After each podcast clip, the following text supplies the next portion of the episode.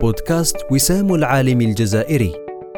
نطل عليكم من خلاله مرتين في الشهر.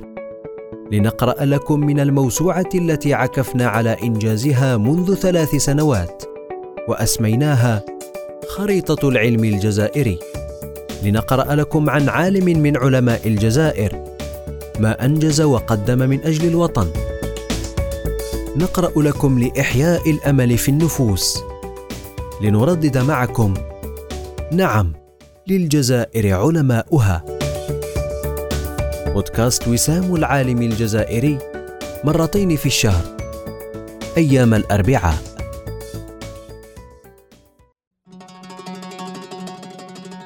العدد السابع حول حياة الشيخ الحاج عبد الرحمن حفصي عالم الفقه والنحو من حاضرة توات العلمية.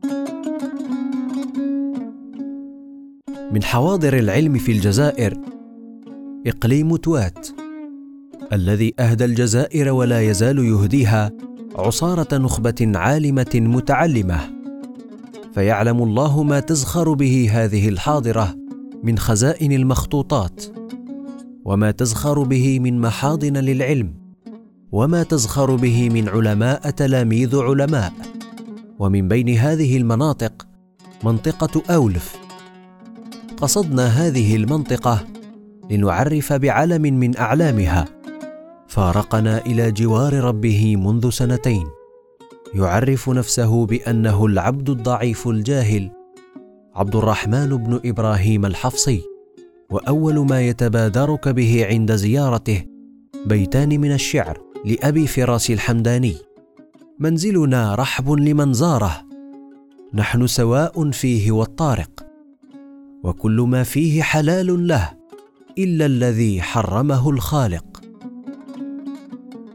ساهم بفعالية في إحياء العلم بمنطقة توات فترك العديد من التآليف في الفقه والنحو طيلة مسيرته العلمية وتخرج على يديه المئات من طلاب العلم في مدرسته التي أصبحت مقصدا ووجهه كما عرف عنه ريادته في إصلاح ذات البين. إنه رفيق درب الشيخ محمد بايب العالم رحمهما الله.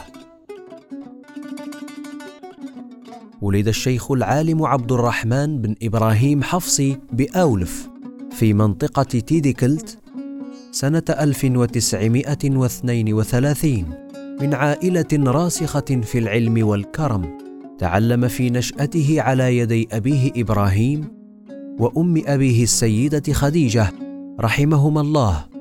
ثم قرأ القرآن وحفظه على يد الشيخ محمد بال حاج دادة. وفي سنة تسع وأربعين أرسله والده إلى زاوية سالي حوالي أربعين كيلومتر عن منطقة رجان. للتتلمذ على يد الشيخ أحمد الطاهري الإدريسي السباعي. ودرس على يديه الميراث والفقه والنحو وغيرها إلى غاية تخرجه على يديه سنة سبع وخمسين. وكان من رفقائه في هذه الفترة سيدي محمد الرجاني والشيخ الزاوي من مدينة عين صالح وغيرهم كثير ممن يقول فيهم الشيخ عبد الرحمن زملائي كثر إلا أن طول الزمان مدعاة للنسيان. ولعل أشهر أصدقائه الشيخ محمد بايب العالم الذي رثاه بقصيدة مطلعها بكت عيني على شيخ وفي وذي ثقة وذي قدر علي. وبعد أن أجازه شيخه أرسله إلى أولف للتدريس في زاوية الشيخ عبد الحي الدبوسي بقصر مولاي المهدي حيث درس بها الفقه والنحو. ثم انتقل إلى عمنات ليشتغل إماما ومدرسا بمسجد الإمام البخاري خلفا لوالده وفيها أنشأ مدرسته المعروفة في تقراف ودرس فيها أصول الفقه والنحو وعلم المواريث والحديث وغيرها من العلوم. تلقى الشيخ حفصي الإجازة عن شيخه في البقاع المقدسة سنة تسع وخمسين في حجته الأولى. ومنذ سنة 62 رسمت مديرية الشؤون الدينية لولاية أضرار نشاطه الدعوي وحركيته التعليمية إلى تقاعده ولكنه واصل التعليم والتدريس وإصلاح ذات البين إلى وفاته رغم المرض الذي ألم به في سنوات عمره الأخيرة. كما درس الشيخ عبد الرحمن في مدرسة الصحابي مصعب بن عمير الذي أنشأها وسيرها صديقه الشيخ محمد بايب العالم في حي ركينه بآولف واختص فيها بتدريس النحو والصرف والفرائض. تجاوزت مؤلفاته العشرين ومن أبرزها فتح الكريم الواجد نظم مقدمة الأزهري خالد في النحو. نظم ظهور أهل الوقت. نظم دره الأطفال في نصائح تنفعهم في الحال والمآل. نظم الأترجة الجنية في الناسخ والمنسوخ البهية. أبيات في إعراب أسماء الشرط. نظم فتح المعين المالك على إرشاد السالك لابن عساكر. رياحين المسامرة في الوعظ والإرشاد والآداب. الغرة في الجبين لأوجه كلم المبين. فتح العلي القادر في الأسماء المشتقة وأوزان المصادر. وله مرثيات في شيوخه وأقرانه من بينهم الشيخ أحمد الطاهري الشيخ سيدي محمد بن الكبير الشيخ سيدي محمد الرقاني والشيخ محمد باي بلعالم وبمناسبة الملتقى الوطني الأول حول العلامة الشيخ باي بلعالم حياته وآثاره.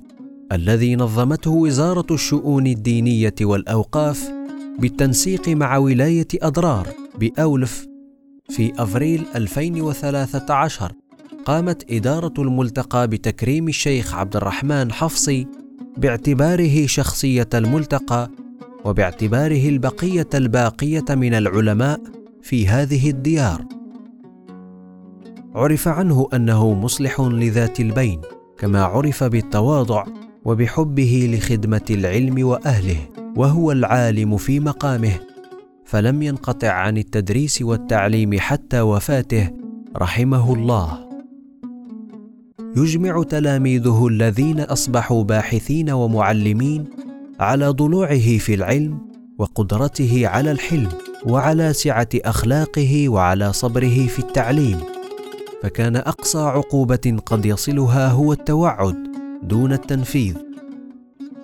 وصف عالمنا بالشيخ الأمين فقد أسندت إليه مسؤولية توزيع المياه بنظام الفجارة فسهر على تسيير شؤونها بحزم وعدل وإنصاف وهي مسؤولية لا يتولاها إلا صاحب ثقة.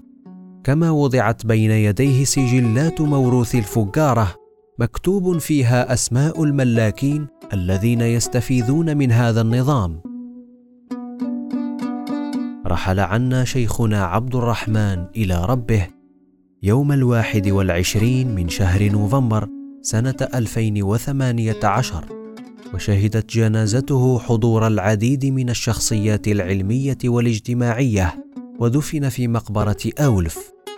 رحم الله الشيخ عبد الرحمن ووفق الله تلاميذه للحفاظ على سند العلم حتى لا ينقطع. ورزق الله طلاب العلم العمل به في حركية دائبة. بين فكر وفعل بين علم وعمل. موعدنا يتجدد بكم في عدد جديد من بودكاست وسام العالم الجزائري. مع تحيات قسم إنتاج المعرفة. بمؤسسة وسام العالم الجزائري. نعم، للجزائر علماؤها.